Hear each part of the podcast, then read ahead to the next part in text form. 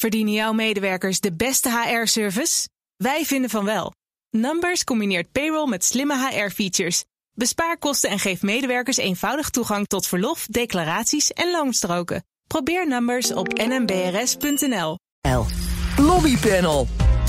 Maken chemiebedrijven nog wel een kans met hun lobby voor PFAS? En regeldruk kost ondernemers jaarlijks bijna 200 miljoen euro. Snapt Politiek Den Haag wel hoe ondernemers werken? Dat en meer bespreek ik in het lobbypanel. En daarin zitten vandaag Arco Timmermans, bijzonder hoogleraar Public Affairs... verbonden aan de Universiteit van Leiden. En Jurgen Warmerdam, Public Affairs Advisor bij Trias Politica. Welkom, goed dat jullie er zijn. Goedemiddag. Met allereerst natuurlijk jullie eigen agenda. Jurgen, wat staat daar onder andere op of stond daarop? Ja, ik wou een beetje in het verleden spreken. Ik heb net een eh, fijne training afgerond uh, aan uh, sociale ondernemingen in Nederland. En uh, groepen ondernemingen die naast gewoon ook winst wil maken, ook een bepaald sociaal doel nastreeft. En wat je ziet bij die ondernemingen is dat ze soms wat moeilijk met de overheid kunnen communiceren. Begrijpen ze niet zo goed, zijn een beetje vervuld van hun eigen idealisme. En ja, ik probeer ze dan een beetje bij te brengen dat je je ook moet verplaatsen in, in wat de wethouder wil. En was heel wat, leuk. Wat, wat, moet je dan als uh, sociaal gedreven ondernemer vooral goed in je oren knopen? Nou, dat er gewoon een, een, een, een wethouder is gebonden aan een coalitieakkoord. En uh, als je niet van tevoren dat akkoord goed tot je neemt, dan sta je eigenlijk met 1-0 achter als je een keer een gesprek hebt met zo iemand. Ja. Dat is toch wel een beetje de basis? Of ja, niet? was maar, het voor veel mensen toch een baanbrekend inzicht? Dat was inderdaad een baanbrekend inzicht. Dat is toch mooi dat ja, idealisme dan de boventoon voert... en dat je dan als bescheiden adviseur toch een paar kleine tips kan meegeven. Arco.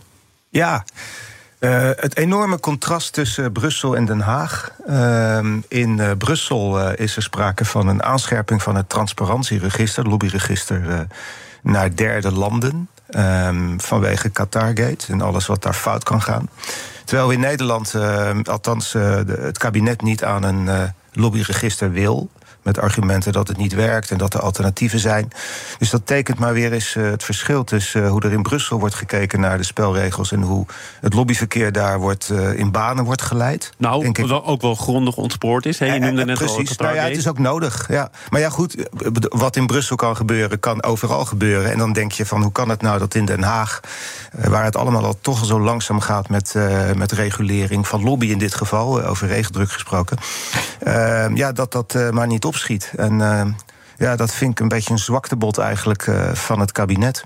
Dat, dat lobbyregister is ook vast de prik in dit lobbypanel, uiteraard. Mhm. Mm -hmm. En er zijn ook onder de leden van dit panel voor- en tegenstanders. Ja. Er zijn ook mensen die dat kabinetstandpunt wel verdedigen. Namelijk, het werkt niet en er zijn alternatieven.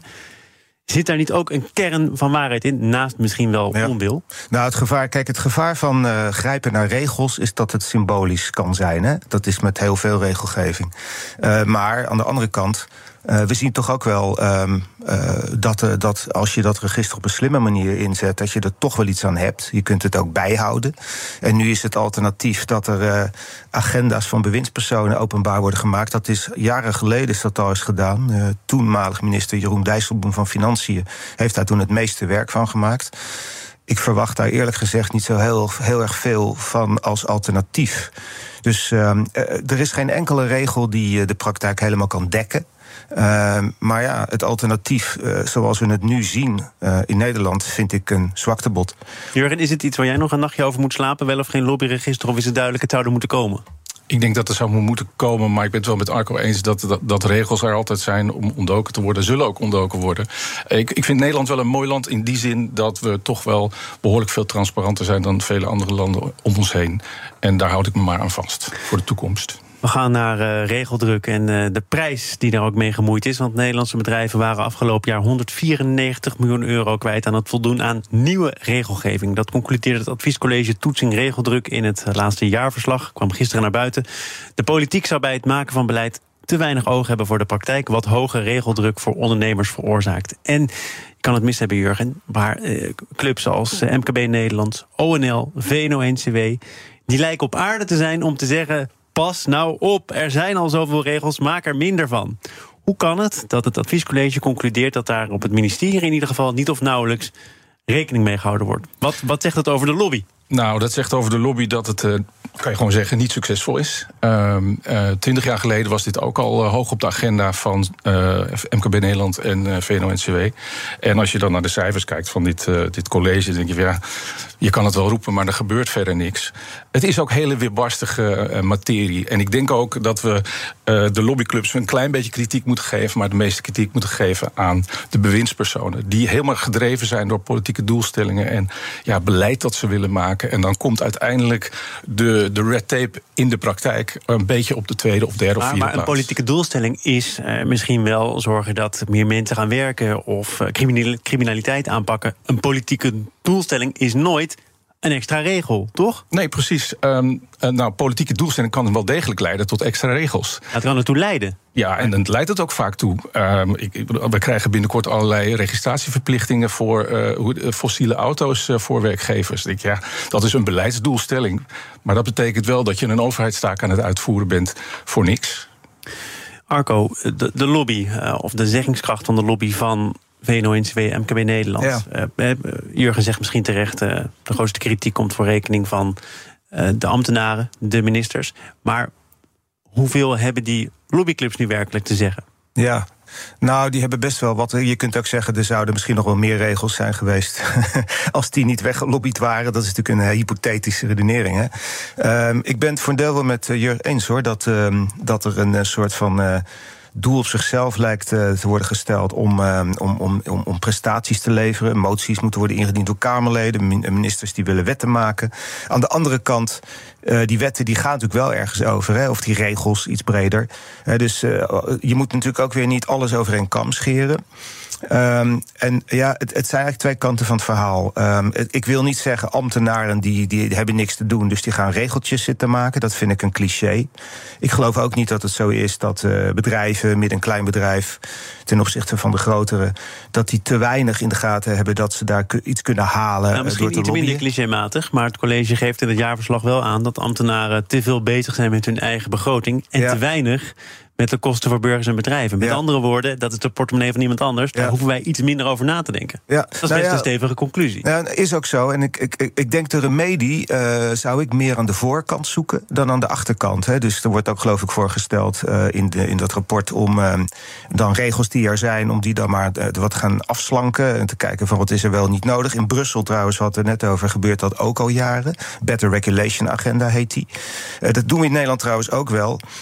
maar dat kan wat beter. Dan zou ik zeggen, ga niet regels afschaffen. Misschien heb je er een paar. Maar denk en organiseer uh, de belangenbehartiging of de discussie aan tafel voordat je aan regelgeving gaat. Uh, organiseer dat nog wat beter. En zorg dan ook heel belangrijk voor goede toegang. Dus dan moeten het niet alleen maar dezelfde met, spelers zijn die steeds aan tafel zitten. Gisteren met de voorzitter van dat adviescollege Toetsing Regeldruk, Marijke van Hees, en zij zei het volgende. En dat is ook wel een van de pleidooien die we richting het ministerie van Economische Zaken hebben gedaan. Voor de toekomst ons nog wat meer tijd te geven om niet alleen te kijken naar, je zou kunnen zeggen, het voorkomen van regeldruk en het toetsen. Oftewel op een goede manier in beeld is gebracht en moet hij zich verhouden tot het doel. Maar tegelijkertijd ook meer aandacht aan besteden aan het uh, terugdringen van regeldruk. Hoe zou dat dan moeten eigenlijk? Het terugdringen van regeldruk. MKB Nederland heeft gereageerd op het jaarverslag. En die zegt we moeten eigenlijk terug naar een periode, begin van deze eeuw, 2002, 2010. Toen het een doel op zich was, het reduceren van regels.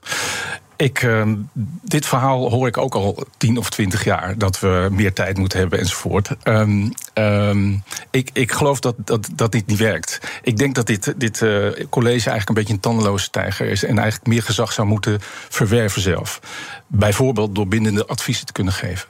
Dat, dat is natuurlijk vrij uh, rigoureus in Nederland. Dat kennen we eigenlijk niet. Want wat zij nu zeggen is: deze regel, we hebben er nog eens goed naar gekeken. Of naar de onderbouwing, of het ontbreken van onderbouwing ons oordeel is niet invoeren. En het percentage dat dat predicaat gekregen heeft, is toegenomen het afgelopen jaar. En wat gebeurt er vervolgens? De wet wordt gewoon ingevoerd. Ja, dus jij zou zeggen, als dit adviescollege tot het oordeel komt niet doen, dan zou dat bindend moeten zijn. Ja, of, of bijna bindend. Kijk, de Raad van State heeft vier categorieën advies. Als je een D-advies krijgt, dan is het heel erg slecht. Dan moet je als minister wel van hele goede huizen komen, wil je dat invoeren. Zoiets zou ik me kunnen voorstellen bij dit college. Hoe plan? Nou, het, het, het gevaar is Uh, dat uh, ook al uh, zitten de bedoelingen daarachter, die, die, zijn wel goed. Het gevaar is dat het wel een beetje een technocratische exercitie wordt. Hè? Want je kunt, je kunt aan organen zoals het college kun je meer macht geven. Maar dan ontstaat ook wel de vraag van wie controleert die macht. En op basis waarvan maakt het college afwegingen. Dus je moet wel opletten. Daarom is mijn, mijn, mijn idee om meer aan de voorkant te gaan zitten. Om te kijken van hoe je met de, de belanghebbenden, degene die te maken hebben met regels als ze er zijn en ook met de, met de naleving daarvan en de handhaving. Om daar uh, met elkaar over uh, meer aan tafel te zitten. In, begrijp ik. Nou, ik zou de combinatie geweldig vinden. mooi antwoord. Ja, nou er is overigens wel een soort invoertoets, toch? Na een jaar wordt een regel geëvalueerd en er wordt gekeken, heeft het dan wat opgeleverd of niet? Dat is achteraf. Ja. Maar dat noemt uh, het adviescollege als een mm. positieve ontwikkeling. Maar ja, dat leidt ook niet tot, tot afschaffing van regels of aanpassing van regels. Dus het is allemaal wel, wel een beetje aardig en zo en vriendelijk en kritisch. Maar er gebeurt eigenlijk heel weinig. Maar, maar dat is ook het punt. Hè? Je, je, hebt het over ambtenaren, of het kunnen ook scorende politici zijn. Ik denk dat daar ook uh, zeg maar een probleem zit. Hè? Uh, dus niet om in clichés te vervallen, maar ik denk dat je die wereld, uh, dus van beide kanten, de beleidsmakers en de, degene die er straks mee te maken hebben met die regels, om die wat meer, hebben we in Nederland een traditie in om consensus te plegen. investeer daar wat meer maar, in. Tot slot, als je zegt scorende ambtenaren of politici die een punt willen maken, dat is natuurlijk ook vaak als gevolg van iets wat misgegaan is. Concludeert ook dit adviescollege. Er gaat iets mis, er vindt een schandaal plaats. Weet je wat? Ja. Dat mag in de toekomst nooit meer gebeuren. Hier is meer toezicht, hier is pakket extra regels. Dat wil de samenleving, denk ik ook. We hoorden het net in het nieuws, hè? Um, die, uh, die anti-witwas-regels uh, die er zijn... die overigens voor een belangrijk deel ook uit Brussel komen. Er zijn al, geloof ik, zeven anti-witwas-richtlijnen geweest. En wat zie je nu? Het, wat zegt de Nederlandse Vereniging van Banken namens de banken? Die zeggen dat is veel te rigoureus, veel te broad brush, paniekvoetbal geweest. Um, dus we moeten dat ik hoorde het woord proportioneel uh, in, de, in, de, in het item. Dat moeten we proportioneler doen, meer op maat. Um, dat vind ik een intelligente benadering. En zo zou ik ook willen kijken naar de noodzaak van, uh, van regels. Bij sommige onderwerpen ja, kun je er nou eenmaal niet onderuit. En bij andere zeg je misschien kan het wat minder. We gaan naar een regel die er nog niet is. En volgens een aantal bedrijven ook nooit zal moeten komen. BNR Nieuwsradio. Zaken doen. Thomas van Zeil. Het lobbypanel is aanwezig. Arco Timmermans, Jurgen Warmerdam. En we praten over chemiebedrijven die gebruik maken van uh, giftige stoffen als PFAS. Die zijn een nieuw lobbyoffensief begonnen tegen plannen van de Europese Commissie om het gebruik van die stof te verbieden. In een poging om het te voorkomen claimt de keten nu gezamenlijke uh, data te hebben waaruit zou blijken dat PFAS onmisbaar is en bovendien veilig. NRC heeft documenten in handen die wijzen op een uitgekiende lobbystrategie. En Jurgen, laten we daar maar mee beginnen. Die lobby, uh, die gevoerd wordt door die chemiebedrijven, maar eigenlijk in handen is van de klanten van die chemiebedrijven, want die moeten bij de Europese Commissie de boodschap overbrengen, dat ligt dus op straat. Drie basisfouten bij deze lobby. Drie basisfouten liefst. Maar goed, de, de hoogleraar zit tegenover me, dus die mag me corrigeren. Ah, maar ik zal best beginnen hoor. Ik zal ze even noemen. Allereerst, onthul nooit je strategie, want dan weet je tegenstander uh, wat je aan het doen bent en sta je dus achter. Ten tweede, um, als jij vraagt aan je ketenpartners, leveranciers die van, van dit bedrijf, die dezelfde kritische geluiden moeten laten horen met, met een soort van, ja, uh, hoe noem je dat, instructie. Um, als, je dat, als je dat aan hen geeft, dan, dan beheers je eigenlijk de inhoud niet meer. Want je weet echt niet wat die partijen zullen gaan zeggen. En als dat een beetje outrageous wordt, dan slaat dat ook op jou neer. Dat is gewoon slecht.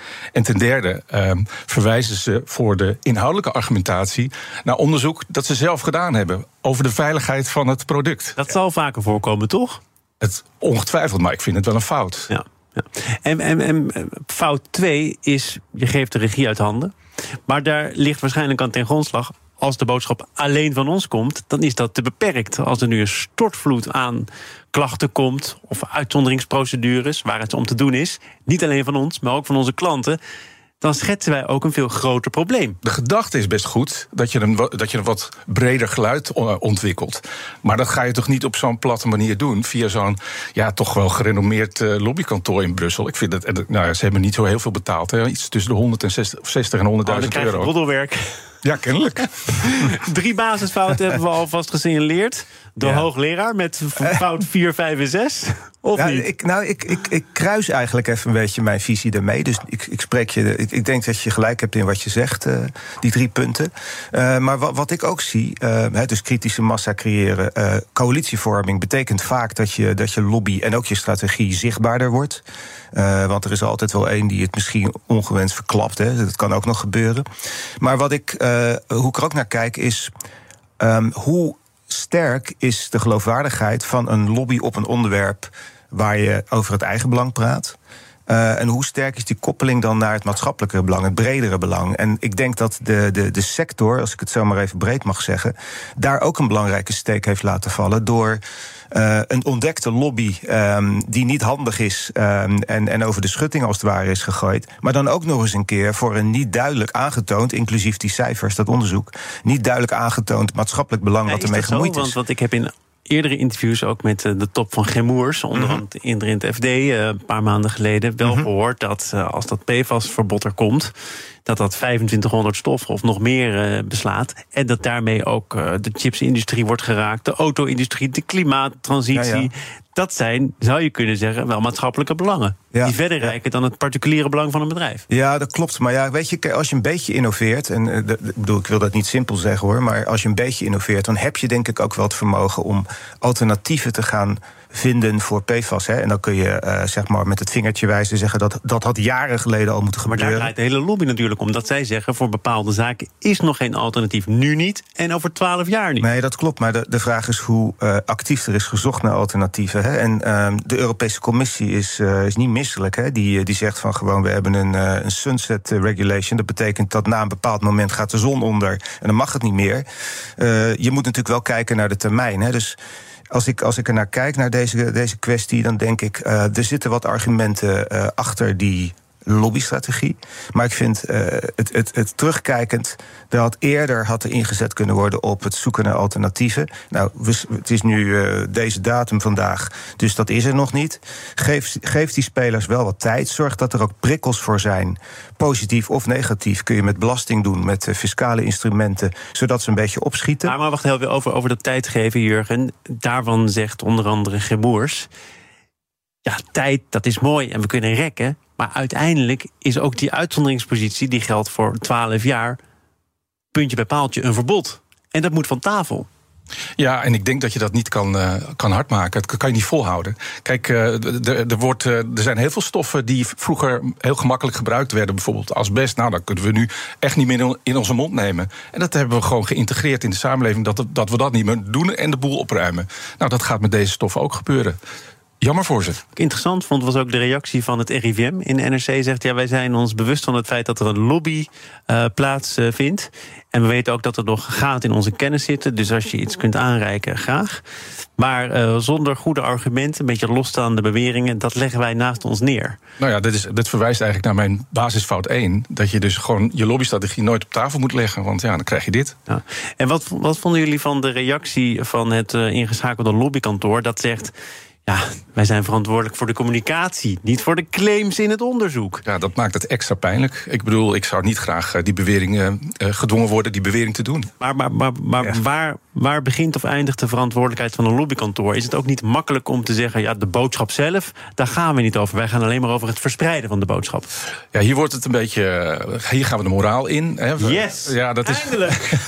dat is, dat is een moeilijk onderwerp. Kijk, eh, technisch gesproken ben je natuurlijk niet verantwoordelijk voor de inhoud van de argumenten die worden aangereikt. Maar als je, als je weet dat ze fout zijn, dan vind ik niet dat je ze kan gebruiken. Ja. En ik denk dat je ook kunt, eh, kunt checken of die feiten wel of niet kloppen. Ehm, er wordt wel eens gezegd in de wereld van public affairs lobbyen. Het gaat dan om ethiek, hè, principes. Ik denk dat eh, de kwaliteit van informatie, dat is een onderdeel, die controleren is een onderdeel van de vaardigheden die je moet hebben. En waar je dus ook als kantoor op moet letten. Dus het is een rare kronkel, vind ik, dat, dat er een soort van blame avoidance plaatsvindt hier. Van ja, wij hebben alleen maar de voor, maar de inhoud, daar, daar hebben we niks over te zeggen. dit, dit kantoor had dan niet moeten instemmen met claims die voortkomen uit eigen onderzoek. Of claims die wetenschappelijk zeer ter discussie staan. Daar betere afspraken over moeten maken. eh, en, en onderling eh, ook niet eh, verschillende dingen gaan zeggen. Want dat is, dat is fout 4 misschien wel. Dat je als spelers allemaal er verschillende geluiden laat horen. Ja, we kunnen nog wel een paar bijbedenken.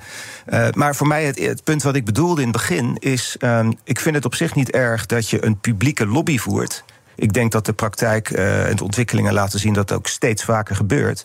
Maar dan moet je wel een geloofwaardig verhaal hebben over het belang wat jouw sector betreft. En hoe zich dat verhoudt tot het maatschappelijke belang. En weet je, de verdedigingslinie van.